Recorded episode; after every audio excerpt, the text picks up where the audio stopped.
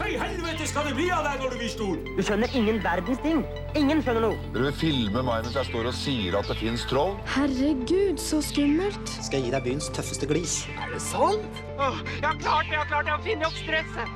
Norsk kultfilm! Hei, hei, mitt navn er Alexander U. Serigstad, Og mitt navn er Christian Serigstad Jensen. og velkommen til Norsk kultfilm. Podkasten for dem som er til overs. Ja, det er kanskje det som hadde vært slagordet vårt om podkasten var drevet av to karakterer vi skal stifte nærmere bekjentskap med nå, for vi skal til året 1983. Norsk ungdomsfilm og film med publikumsappell er blitt en greie. Bjørn Erik Hansen skriver et filmmanus basert på teaterstykket Radio Ferskslåg. Vi får møte to nordnorske punkere som starter piratradio og erter på seg både politi, NRK og skurkene over alle skurker, Frimurerlosjen. Regissert av sønnen til Henke Kolstad er dette en film som ble svært godt mottatt av publikum da han kom. Filmen har kanskje ikke vært så mye vist i nyere tid, men han har blitt holdt i live via word of mouth og de som sikra seg en VHS-kopi av filmen da den kom en gang på 80-tallet. For denne her har ennå ikke vært ute på noe digitalt fysisk format, selv om den er mulig å leie til streaming på filmarkivet.no. Og vi snakker da om Morten Kolstads Piratene fra 1983. Og Christian, hvordan ble du kjent med denne filmen? Jeg har jo visst om filmen eh, i mange år, men egentlig aldri sett den før i nyere tider. Mm. Men det var jo etter at en kollega eh, av meg, eh, Ole Martin eh, Ile, Ja, ikke sant, han som står bak boka Da He-Man kom til Norge? det stemmer, Mm. han, eh, han nevnte det at eh, Ja, det skal ikke ha en episode om piratene, da? Ja, det, piratene må dere ha. Det er en film som han iallfall har, uh, har mast mye om, da. Og så fort liksom, noen maser om ting, så blir man jo mer nysgjerrig med en gang. Ja, og han eh, er jo faktisk også nabo av meg, altså Ole Martin, og han har også etterlyst den filmen for meg da i søppelrommet, faktisk. Eh, Mens jeg var og kasta søppel, så møtte jeg Ole Martin der og sa hæ, skal dere ikke lage episode om eh, piratene? Jeg må lage episode om piratene. Så her er episoden, Ole Martin, vær så god. Jeg kan jo nevne at Ole Martin, altså denne boka, da Himmelen kom til Norge, er jo en veldig bra bok om oppvekst på 80-tallet. Fins også som lydbok, som Ole Martin sjøl eh, leser inn. Den anbefaler vi å sjekke ut. Det er jo også flere av våre lyttere som har etterlyst filmen. altså På Facebook så er- ser jeg det opp til flere som ofte har nevnt at de ønsker at vi lager en episode om eh, piratene. da. Og jeg kan jo nevne det, I neste episode så skal dere da få høre vårt live-intervju som vi hadde med to av skuespillerne i filmen, og komponisten bak filmmusikken. Det var jo da skuespillerne Trond Peter Stamse Munch og Christian Figenschou, og eh, da filmkomponist Odda Eilertsen, som da kommer i neste episode. Og dette er jo da en livepodcast vi hadde i Tromsø, på, på Verdensteatret der. Ja, eh, og når vi var på den livepodkasten, skal jeg bare fortelle en liten historie. Mm. Eh, jeg sendte jo en snap av at 'Å, se, vi er med skuespillerne'. Fra Piratene? Ja, eh, og så sendte jeg det til storesøstera mi Nina, Ja. og da fikk jeg denne meldinga tilbake. Kødder du? Trond Peter Stamse Munch har sett filmen mange ganger. Wow, heldig altså. Heltene mine fra ungdomsåra. Jeg så han først på teateret i Trondheim, Strawberry Field Forever, deretter Piratene, Offshore, Håkon Håkonsen, Landstrykere, og det meste han har spilt i. Jepp, må høre. Gøy å høre om piratene, da! Så det, er- det er tydeligvis mye entusiasme da for uh, at vi skal lage en episode om denne filmen. Og ja, som sagt, her er episoden, eh, folkens. Uh, Vær så god. Og eh, jeg kan nevne, jeg har jo en eh, annen kompis som leide denne filmen da han var liten, og han ble veldig skuffa da han fant ut at det ikke var noen pirater i denne filmen. Men ja, Alexander, men eh, ja. Hvordan var det du kom over denne filmen, da? Var det tilfeldigvis på eh, Lillehammer? Nei, det var faktisk ikke på Lillehammer, men eh, altså jeg ble først bevisst på denne filmen i forbindelse med research til et eh, dokumentarprosjekt jeg jobba med, som eh, foreløpig ikke har blitt noe av. Det var en dokumentar da som skulle handle om Filmeffekt AS. Og eh, Det var jo et selskap som ble starta av Petter Borgli og Dag Alveberg. Og eh, De starta jo det selskapet med formål om å bidra med spesialeffekter i norske filmer. og Da snakker vi alt fra pyro, vindmaskiner og blod og gørr. Eh, Problemet var jo at det var ikke så veldig mange norske filmer som trengte disse effektene, så eh, de gjorde faktisk mest for TV i starten. Eh, og for norske filmer, da. Det var vel stort sett når Olsenbanden trengte en eksplosjon, eller Vam og Vennerød eller Bred og Greve trengte noe blod og gørr, at de ble kontakta. Eh, men så kommer vi til 80-tallet, da, og du begynner å få litt mer sånn norsk actionfilm, og eh, filmer med litt mer publikumsappell. Og ikke minst så begynner også da Alveberg og Borgli å produsere film, og de lager Orions belte, eh, der de da kunne gå bananas med pyroeffektene sine. Kan jo også nevne at eh, Alveberg og Borgli jobba jo også på Empire Strikes Back når de filma i Finse. Ja. Så uh, der gjorde de eh, eksplosjoner. Pyro. Sprengte opp uh, hva er det de heter? AT-AT-er og Ja, sånt. ja. Roboter. Svære roboter og sånt. Men uh, uansett, da. Uh, med Ordens belte, den kicka jo for alvor i gang denne bølgen av helikopterfilmer i Norge, da. Altså actionfilmer, underholdningsfilmer med bred publikumsappell. Men uh, Sånn som Jens Bodd, agent 007 Smør. Eh, Ja, for eksempel. Den kom, litt før. Han var en pioner. Ja, Jens var- Boddstein Fauske var en pioner. Men uh, tilbake til poenget, da. Grunnen til at jeg først sjekka ut Piratene, er jo fordi Filmeffekt AS står bak effektene i filmen. Eller det vil si, de står bak effekten. Det, det er én eksplosjon i denne filmen.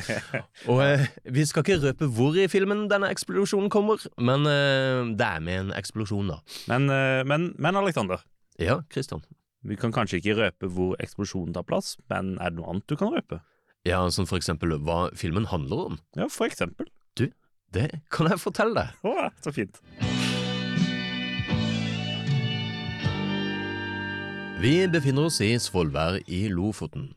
Der møter vi Ronny og Jørgen, to arbeidsløse ungdom som liker punkrock og er dritlei av NRK. Er du trøtt av NRK?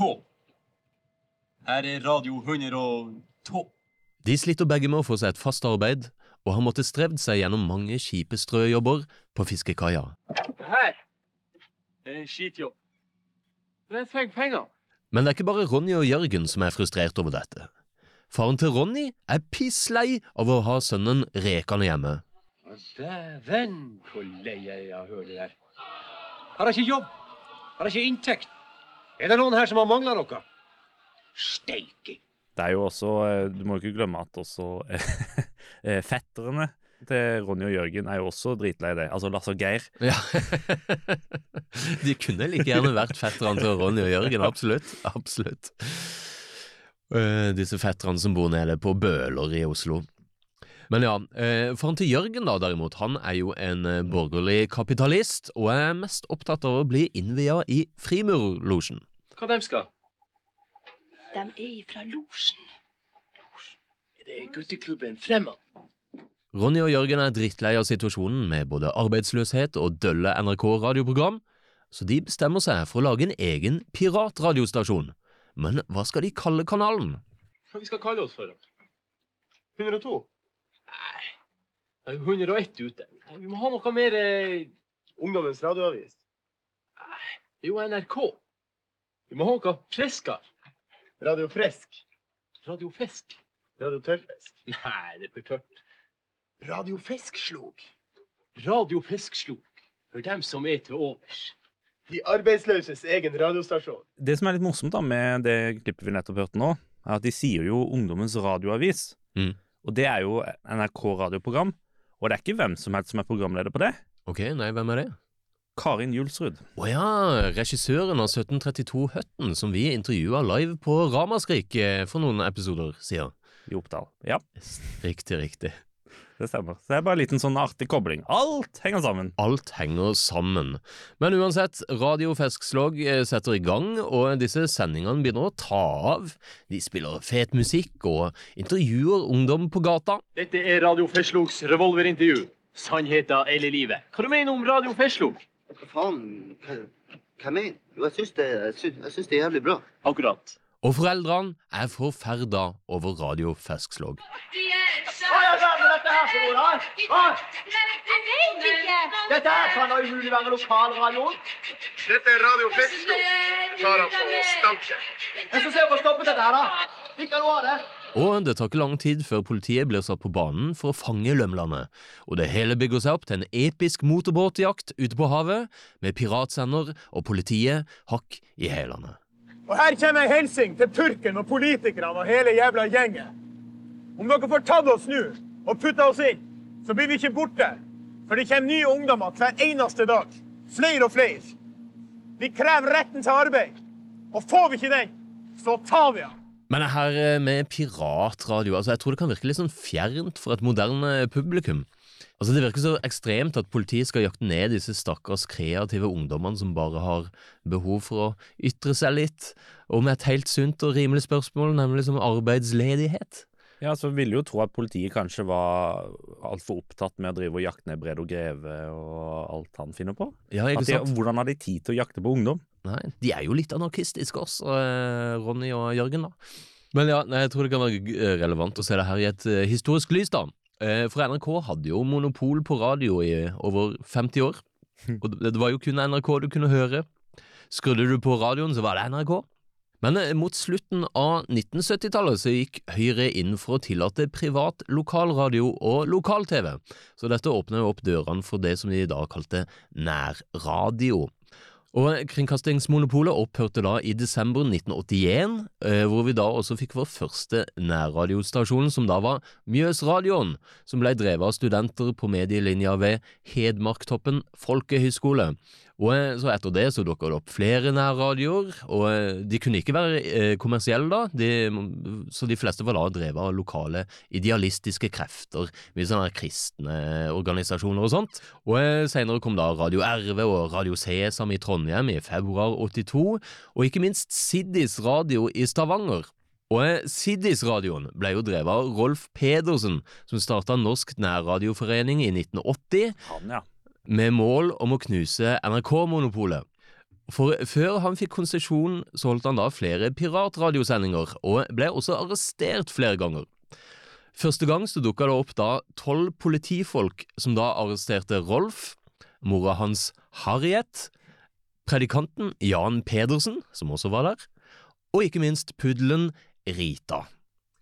Men de arresterte en hund. Ja, ifølge rapportene her så gjorde de det. Det var nok sikkert det at de kunne ikke la hunden være aleine. Ja, ikke sant, ikke sant.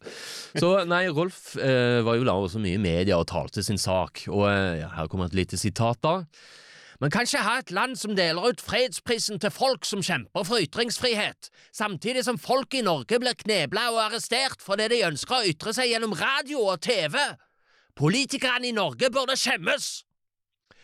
Han er Litt sånn rabagast han Rolf, og eh, var ivrig på å knuse NRK-monopolet der. Og, eh, men tilbake til poenget her, da. Altså, det var seriøst strengt forbudt å sende radio uten konsesjon, da, og du ble faktisk arrestert for det. Og eh, det blir på en måte samme måte som noen skulle drive med internetthacking i dag. Jeg vet ikke. Å, nå har jeg kapra yr.no.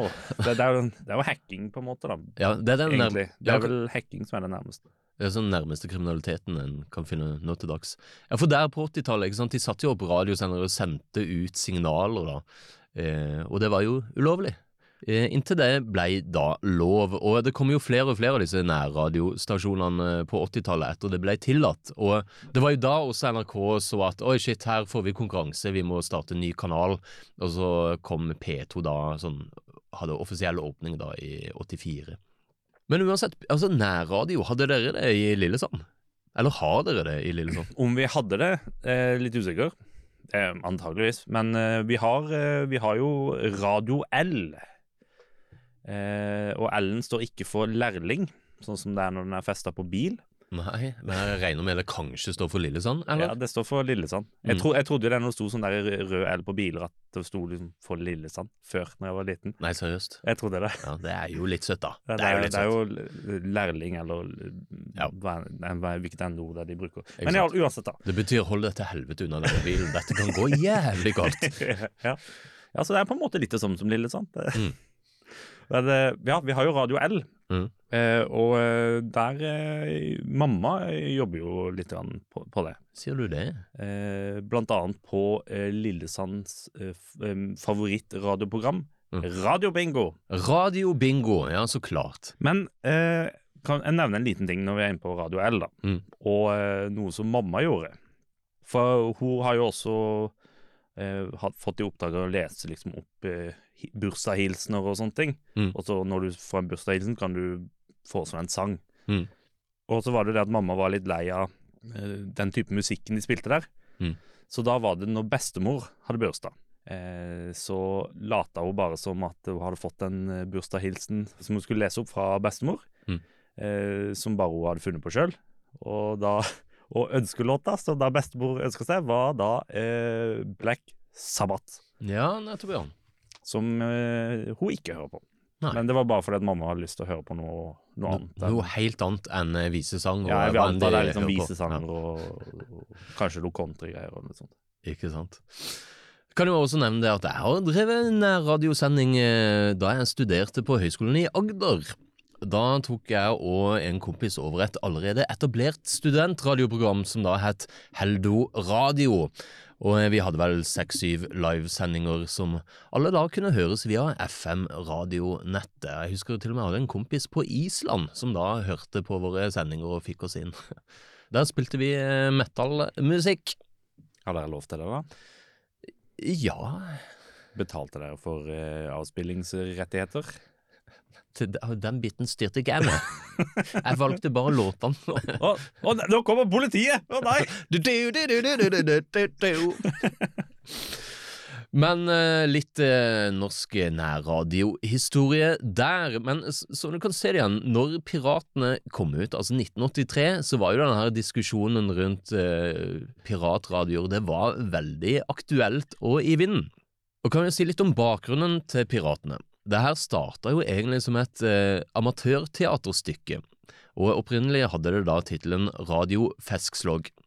Det ble første gang da satt opp i Svolvær i mars 1980, altså samme sted som filmen også tar sted, og eh, ble da fremført av teatergruppa Hamperocken.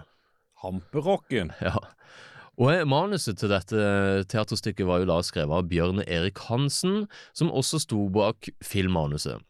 Eh, Selve stykket skal da ha vart ca. én time, så ja, spørs om den eh, motorbåtjaktscenen er med i teaterstykkescenen, er jeg litt usikker.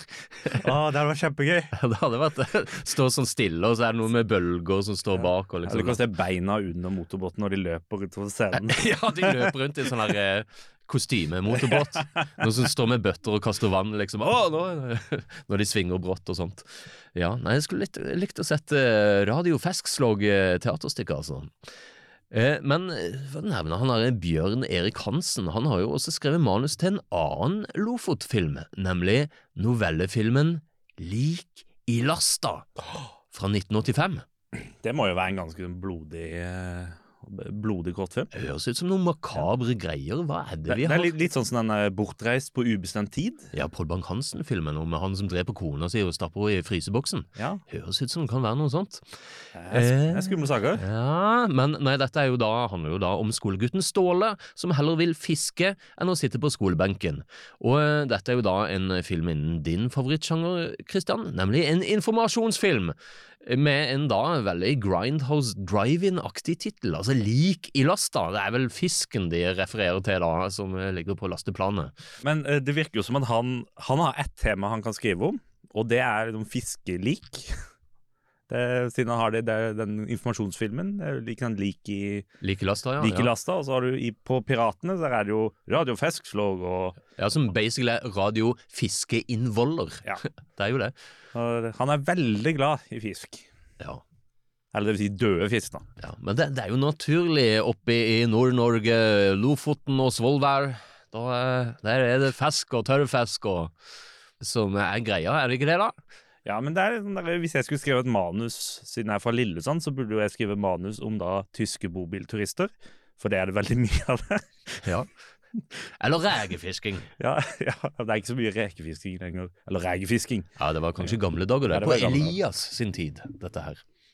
Men ja, Bjørn Erik Hansen har jo liksom bakgrunn fra Lofot-relaterte filmer, da. Men etter hvert så fant de jo ut at de skulle gjøre Radio Feskslåg til en film. Og eh, da fikk de jo da et budsjett på fem millioner til å lage denne, og de fikk med regissør Morten Kolstad. som er jo da sønnen til Henki Kolstad. Dette var hans debut som spillefilmregissør, men før han lagde Piratene, så hadde han jo gjort masse for TV. Eh, han starta som fotograf i NRK, og rykka etter hvert opp som regissør, blant annet på krimserien Taxi, der hans far spilte da hovedrollen som den nysgjerrige taxisjåføren Onkel Oskar, som stadig blander seg inn i ymse mordmysterier. Og det er jo André Bjerke og Harald Tusberg som sto for manus på denne serien, og jeg har nylig sett alle episoder, og jeg må bare si det her er en veldig underholdende serie, med et veldig sånn fargerikt karaktergalleri. Eh, ligger eh, gratis på NRK nett-TV, det anbefaler jeg folk å sjekke ut, altså. Mange fete skuespillere som er med her, eh, altså eh, Rolf Just Nilsen, Karsten Byring og eh, Espen Schønberg, og det er mange, mange folk. Og Eh, Spesielt episode to så er de på sporet av et eh, narkodrap, der alt spinner seg rundt hippiebandet The Grave Diggers. Og Per Tofte, kjent som Satek fra Himmel og helvete, spiller jo da selvfølgelig en utenlandsk narkobaron i den episoden, da. Så Taxi er vel verdt å sjekke ut. Og der har Morten Kolstad da regi på tre av episodene. Men det skal jo sies at uh, denne serien fra 1969 Ja. er jo også den aller første serien som Trond Kirkevåg jobba på. Oh, ja. Det er ikke første gang han har han er ikke foran kamera, han er bak kamera. Han er ikke kreditert, men han er eh, innspillingsleder slash prodas på serien. Ikke Men han er ikke kreditert på serien. Og eh, Vi kommer tilbake til det, men det var jo ikke første gang Morten Kolstad jobba med Trond Kirkevåg. Eh, Vi kommer litt tilbake til det.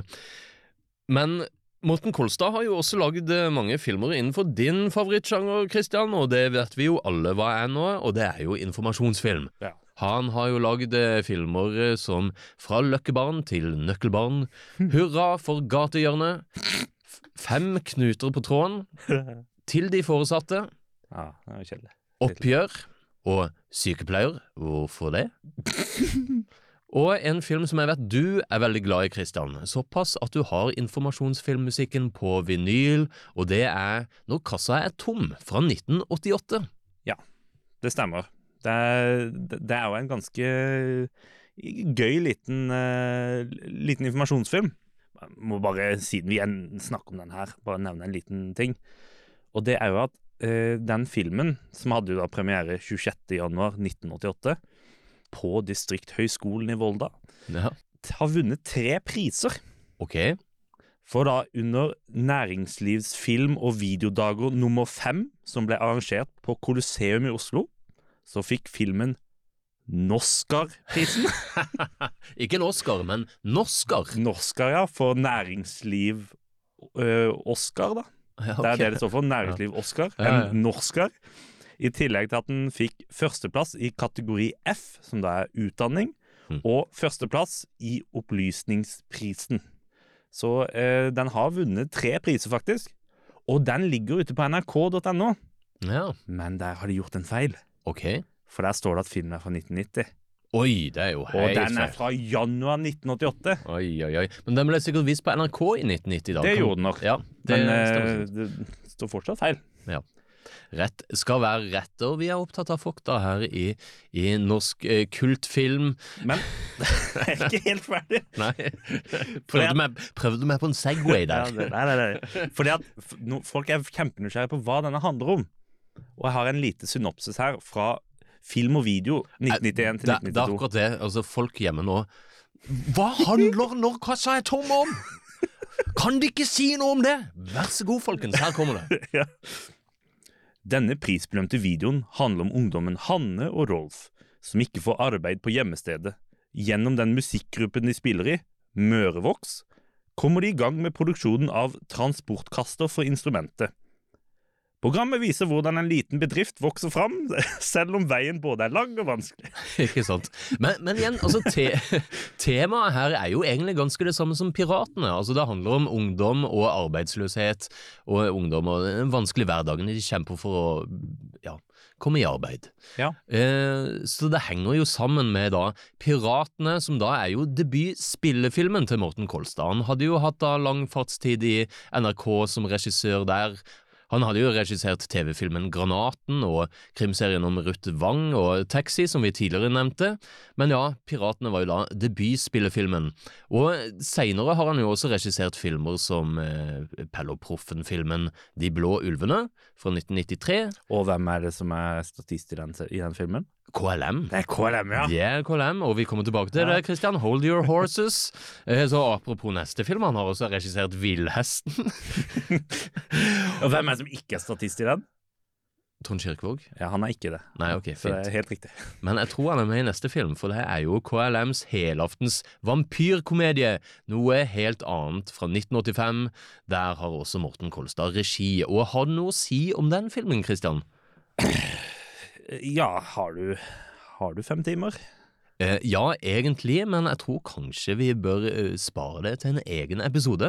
Men nå som vi er innom eh, KLM og KLM-referanser, så kan vi like gjerne bare få unnagjort denne innenfor neste bit vi skal snakke om her, for vi må snakke litt om casten i filmen. Og det er nemlig en av de som spiller i filmen, som selvfølgelig også har spilt i, i noe KLM-relatert, og det er Sigmund Sæverud, som spiller da faren til Ronny. Ganske sånn intens type, veldig god skuespiller her. Og han har spilt i flere av Reinert Kiel sine filmer, blant annet. Han spilte prest i Huset og Kripos-sjef i Juleblod, men han har også spilt i noe KLM-relatert, og hva er det, Christian? Ja, han dukker jo opp i sceneshowet til uh, uh, Brødrene Dal og Vikingsverdets forbannelse, som da ble filma på Tusenfryd i 1997, og ble lansert på kino i 2010. Og der spiller han da Eh, det var eh, Eirik Smalahove. Ikke sant, ikke sant.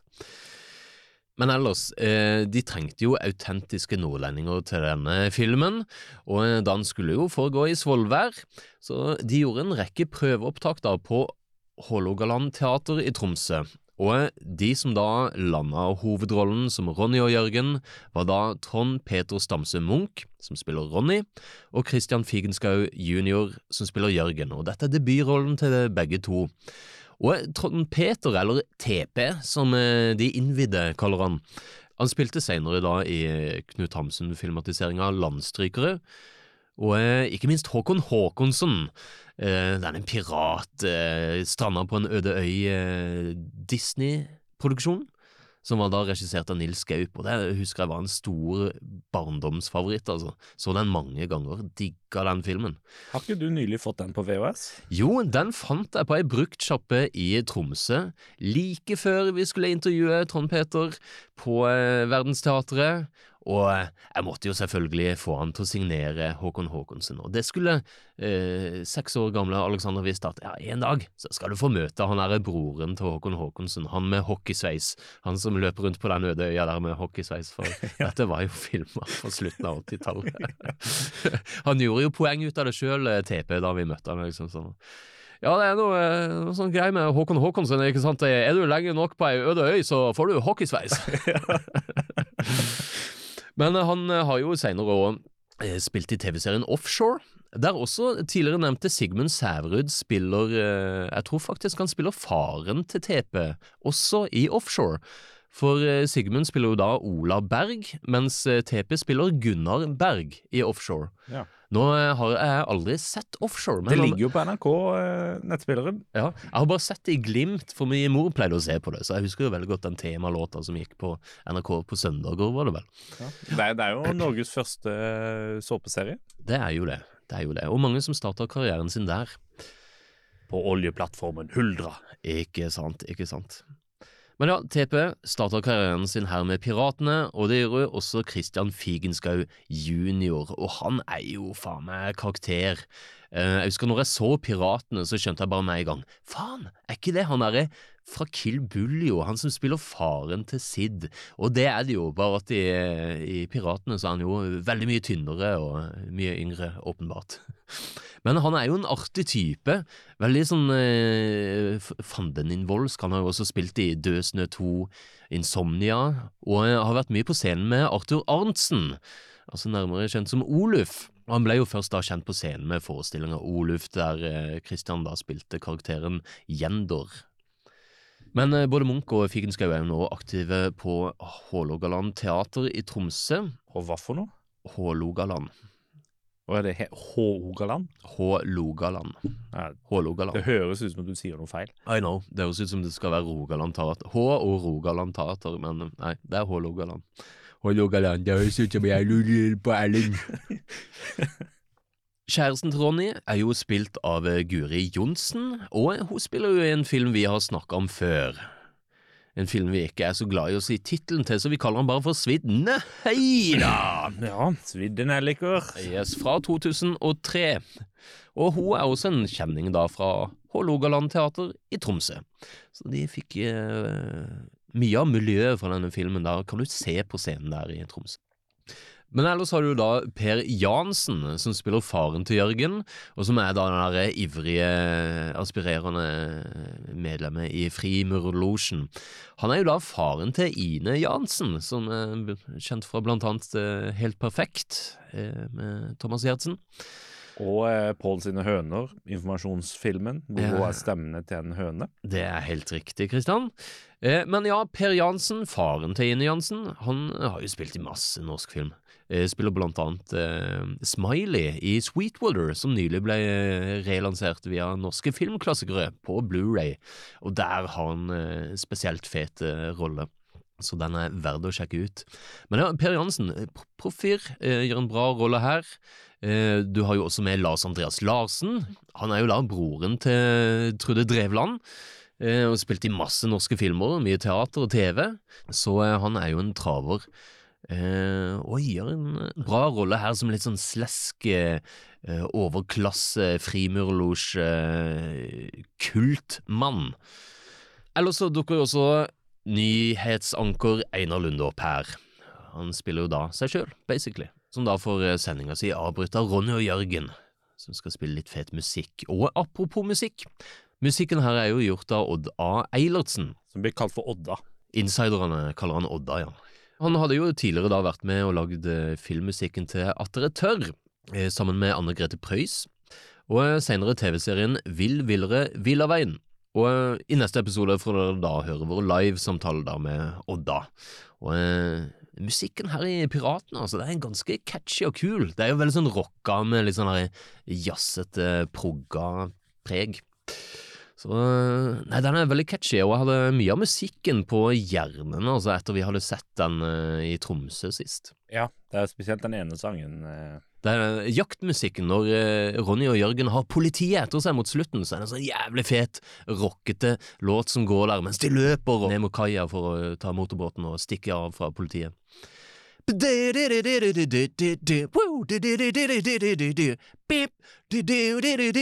Hva, Bruker du lydklipp fra filmen nå, eller er det du, Alexander? Ja, det er ikke lett å høre forskjell. Men det er, jo, det er jo her jeg har et litt problem. Ok. Eh, det burde jo vært noe, noe, noe tekst, noe skikkelig lyrikk til filmen. For den er jo Altså til filmmusikken? Ja, altså til, til denne jaktscenen. Jeg vet ikke, altså, jeg, jeg syns det er bra som det er. Altså, det hadde vært litt distraherende om selve filmmusikken hadde, Ja, det, det, er hadde vokal. mye, det, er, det er ikke så mye dialog der akkurat mot slutten. Det er bare mye, mye kjøring og Det hadde vært litt, sånn, litt skikkelig sånn der eh, norsk film Dialogmusikk. Ok, altså noe som forklarer hva som skjer? Ja. Vel, da hadde det kanskje hørtes sånn ut. Ronny og Jørgen de løper kjapt, de prater tennisenderen sin. For radio og festslottet skal nå ut, så snuten de kan bare kutte ut. Ja, nå har gutta virkelig stelt det i stand, for snuten de er jammen hakk i hæla. Så bare vent nå, her må det jo løpe men prater tenner senderen rart.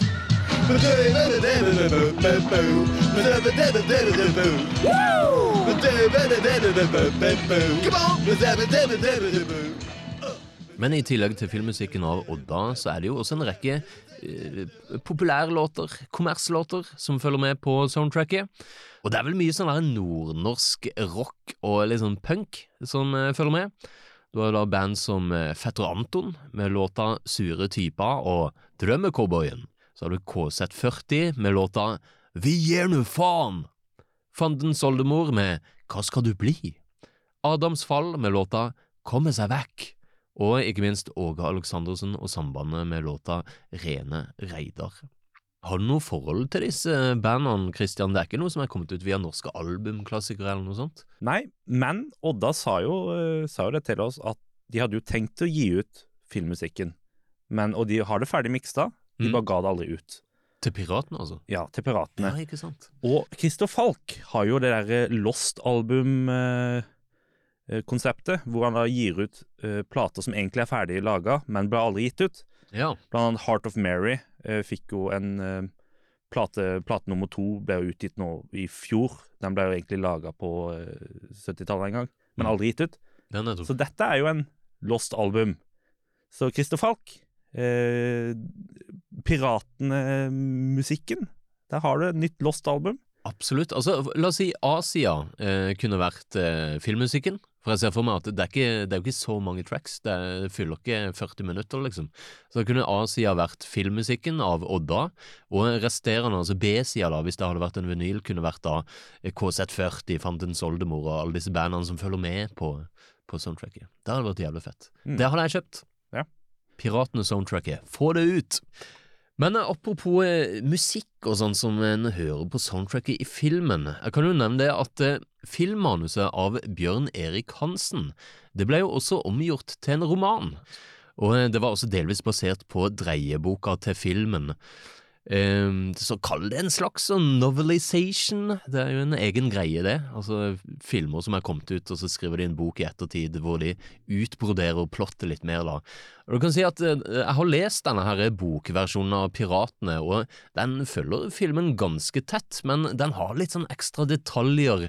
Blant annet så får vi vite det at Ronny hører på band som Black Sabbath, Tank og ACDC. Da har vi Black Sabbath igjen, vet du. Ja, ikke sant? Så, så, så, det var kanskje han som ønska den på Radio L i Lillesand. Det burde vært han som ønska den, ja.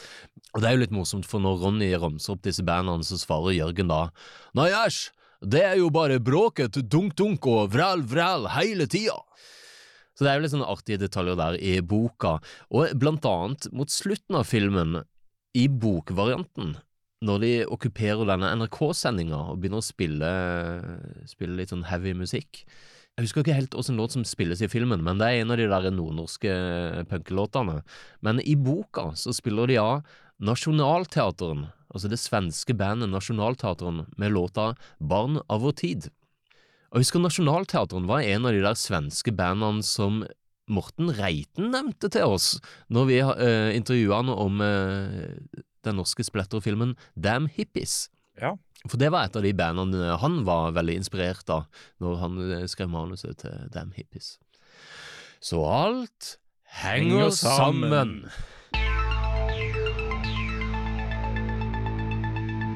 Men eh, la oss snakke litt om mottagelsen av filmen.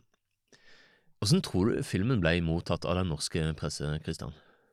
Jeg vil tro at den ble mottatt på samme måte som Lasse og Geir, altså at folk likte den. Generelt sett var de ganske positive, ja. Vi kan jo starte med Skal vi starte med det mest negative og jobbe oss opp mot de positive her? Ja. Ta noen bare sånn Alt kjapt gøy, alt er gøy med litt negativitet. Ja, starter eh, Jobber oss eh, kjapt her med noen sitater eh, gjennom den norske pressen. Er det Jon Selås? I 1983. Du, jeg tror, jeg tror ikke han var satt i gang med anmeldelser da helt ennå. Det er skuffende. Ja. Men Bjørn Brøymer derimot, han eh, var aktiv her, og han var kanskje den mest negative. Han skrev for Morgenbladet, og han syntes det var et tynt manus, men han skrøt av ungdommene i filmen. Så har du Arbeiderbladet, Bjørn Granum. Han rosa også ungdomsskildringene, men mente de voksne karakterene var for endimensjonale. Da sikta han vel til Per Jansen og Lars Andreas Larsen, som er liksom de slemme voksne, og som ikke bare er de slemme, men de er med i Frimurerlosjen og ja, er skikkelig fæle, og politiet, ikke sant, og da, som er imot ungdommene, og så videre. Men altså, du har jo sånn som han eh, faren, han som kjører rundt med masse fiskehoder. Ja, Sigmund, han som er spilt av Sigmund Sæverud. Ja, Han starter jo filmen med å være veldig negativ til dem, Ja. og så mot slutten så begynner han jo å heie på dem. ja, det er sant det. Så det er jo ikke alle som er så endimensjonelle. Nei, det er sant det, for han har litt sånn utvikling der, for han er jo enig i eh, det de prøver å si, Ja. ungdommene, med arbeidsledighet og problemer rundt det, da. Mm. Men jeg tipper at Bjørn Granum sikter til Per Jansson og Lars Andreas Larsen, som er liksom frimurere, og de er slemme, og det er ikke måte på. Kanskje han er frimurer sjøl? Ja, kanskje, kanskje. Så Johan Berents i Dagen skrev spennende, men overdrevne losjekarakterer. Så det går litt igjen, det her. Dagen, hvor er det? Hvor er den avisa fra? Jeg vet ikke. Ok, greit. Så har du Per Haddal i Aftenposten. Per Haddal? Hva sier han her? Frisk og uvøren. Full av et ungdommelig gå-på-humør. Så han var positiv. Jøss. Per Haddal, altså. Ja da. Så ble Agnes Moxnes i Nasjonen. Filmen et debattinnlegg og en knytteneve. Så han var også positiv. Sølvi Werhaug i VG skrev Filmen vekker til ettertanke. Terningkast fire. Kjell Andersen i Friheten, han skrøt av ungdommenes eh, prestasjon i filmen, var positiv. Erling Bø i Vårt Land skrev det regissøren Morten Kolstad har maktet, er noe så unorsk som å kombinere en sosialt bevisst misjon med glimrende underholdning. Han, eh, han er vel sikkert vant til at folk skvetter hver gang han introduserer seg sjøl. Erling Bø! Og ikke minst, det er bare sånn med ordbruken her, så er det veldig sånn tydelig at den kommer fra kristenavisa Vårt Land, for det er her liksom kombinerer en sosialt bevisst misjon med glimrende underholdning. Ja, du kan kalle det en misjon, eh, et misjonsoppdrag det Ronny og Jørgen holder på med her, da, for å formidle ungdommens sak.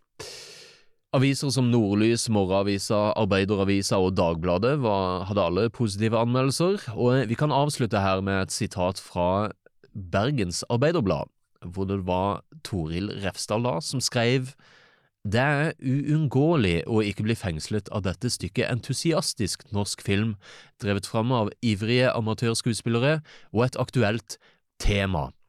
Og igjen, det er jo tilbake til det vi snakka om eh, tidligere, om piratradioen og nærradioen som kjempa for å finne sin plass i Norge, men som fremdeles var i et litt sånn der eh, gråsonelandskap, der tillatelsene ikke var helt på plass ennå.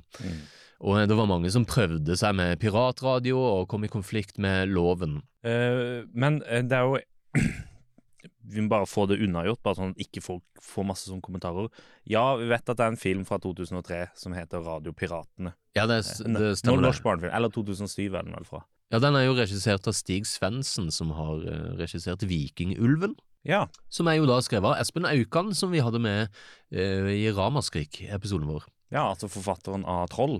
Ja, manusforfatter bak Troll, ja. Han som egentlig burde hett Aukrust, det er et navn. Ja, for det, du surrer til det navnet hele tida. Ja.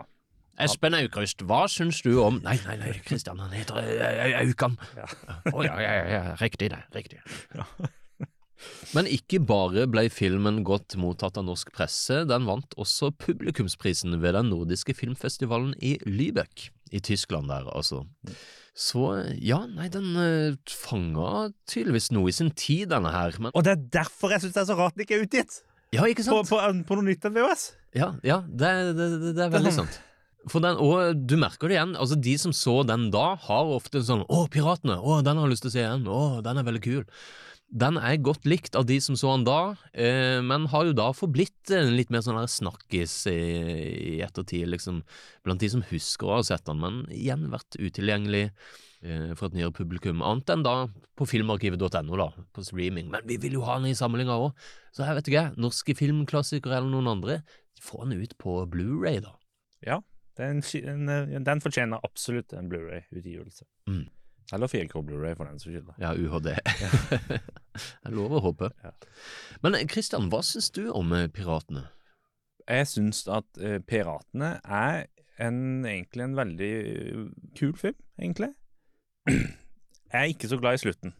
Ja, vi trenger ikke avsløre slutten. Nei, men jeg syns altså Måten filmen avslutter på Jeg syns det er en veldig dårlig slutt. Ja, det, jeg skjønner den er litt sånn eh, Den deler publikum litt. De som eh, liker den, og de som syns den blir litt brå, kanskje. Men filmlista sjøl liker jeg veldig godt. Nei, altså Personlig så liker jeg slutten til filmen. Eh, Jeg skjønner at folk kan synes den er veldig brå og ut av det blå, og kanskje Kanskje i overkant mørk og drøy, kanskje? For resten av filmen har jo egentlig ganske sånn eh, Da mener du ikke mørk som at det skjer på natta? Nei, jeg mener som mye at eh, innholdet er mørkt. At Ja. det er dyster slutt, da, kan du si. Mm. Men eh, altså, alt i alt så syns jeg filmen er underholdende. Det er bra driv i filmen. Kule hovedkarakterer. altså Jeg syns Trond Peter og Christian har liksom karisma, og de har eh, morsomme replikker, og gjør en veldig god debut her. De spiller jo ganske naturlig. Og jeg, jeg syns det er fett at filmen er på nordnorsk.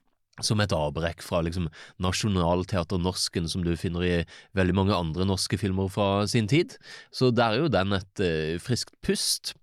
Og det er akkurat som, Jeg, jeg syns nesten det er lettere å kjøpe nordnorsk på film enn enn liksom Ja, det føles mer naturlig ut. Nationalteater eh, østlandsk. Ja. Hva er det dere holder på med? Piratradio? Dette kan dere ikke holde på med! Dere kan faen ikke holde på med piratradio! Nå må du se til helvete og få arbeid! Det er liksom Det er lettere å kjøpe den der Også- sinte nordnorsken enn Og så, så må du ta den som Elias rekefisker. Elias! Du får ikke lov til å holde på med piratradio! Det, det er ikke lov! Hva er det du sier for noe, pappa? Jeg og du har, jeg og du har starta piratradio. He-he-he. Ut på sjøen, og vi skal ta oss og loppe dere for penger. Ja, det ville kanskje vært uh, Lillesand-varianten av Piratene. Jeg må jo også trekke fram Odda sin musikk, som jeg syns faen er en rocker, og, eh, og så har jo også filmen litt action, da, med spesielt den derre båtchasen mot slutten. Eh, og jaggu har vi ikke en eksplosjon et eller annet sted inni filmen der et sted, i regi av Filmeffekt AS. Men eh, altså, er det her egentlig en kultfilm? Altså, den var jo veldig populær da den kom, fikk gode kritikker. Men den har jo vært mindre synlig for et eh, moderne publikum. Den er en sånn glemt 80-tallsfilm på mange måter. Så De søster Nina, så hun den på kino? Var det video, eller åssen var det hun så den? Jeg vil anta at hun så den på kino, Ja, og så sikkert seinere på NRK. ikke sant, ikke sant. Eh, nå bare tipper jeg. Men eh, filmen, eh, altså, vi kan jo håpe da på at norske filmklassikere eller noen andre gir ut denne filmen på Blu-ray. Og det skal sies, den eh, versjonen som er tilgjengelig på filmarkivet.no, det er jo, det ser ut til å være samme sånn betamaster som sikkert var den de brukte til VHS-en. Den har liksom filmskurr på akkurat de samme stedene som, som VHS-utgavene, i hvert fall. Men jeg vet at filmen er blitt eh, nyrestaurert i HD. Dam, dum, dum. Ah, har en kilde fortalt meg. Og eh, i neste episode, da skal dere få høre vårt live-intervju med Trond Peter Stamse Munch og Christian Figenschou jr., som da begge spiller hovedrollene i Piratene, og Odda Eilertsen, som komponerte filmmusikken til Piratene. Og eh, dette tok vi opp i november i Tromsø. Ja. Andre livepodkasten vi har hatt i Tromsø. Ja, vi håper vi kommer der igjen nå. Det er alltid veldig hyggelig å være i Tromsø. og Veldig artig, og ikke minst stemningsfullt å, å se film i Verdensteatret der. Så om to uker da får dere da vårt eh, revolverintervju der. Sannheten eller livet med TP Munch, Christian Figenschou og filmkomponist Odda Eilertsen. Inntil neste gang, mitt navn er Alexander U. Serigstad. Og mitt navn er Christian Serigstad Jensen. Vignettmusikk er av Ivar Nikolai Falle. Vår grafiske designer er Stian André Sakariassen Olsen. Og vi høres På en piratradio nær der du bor. Å nei, NRK! Kommer og tar oss! Wow!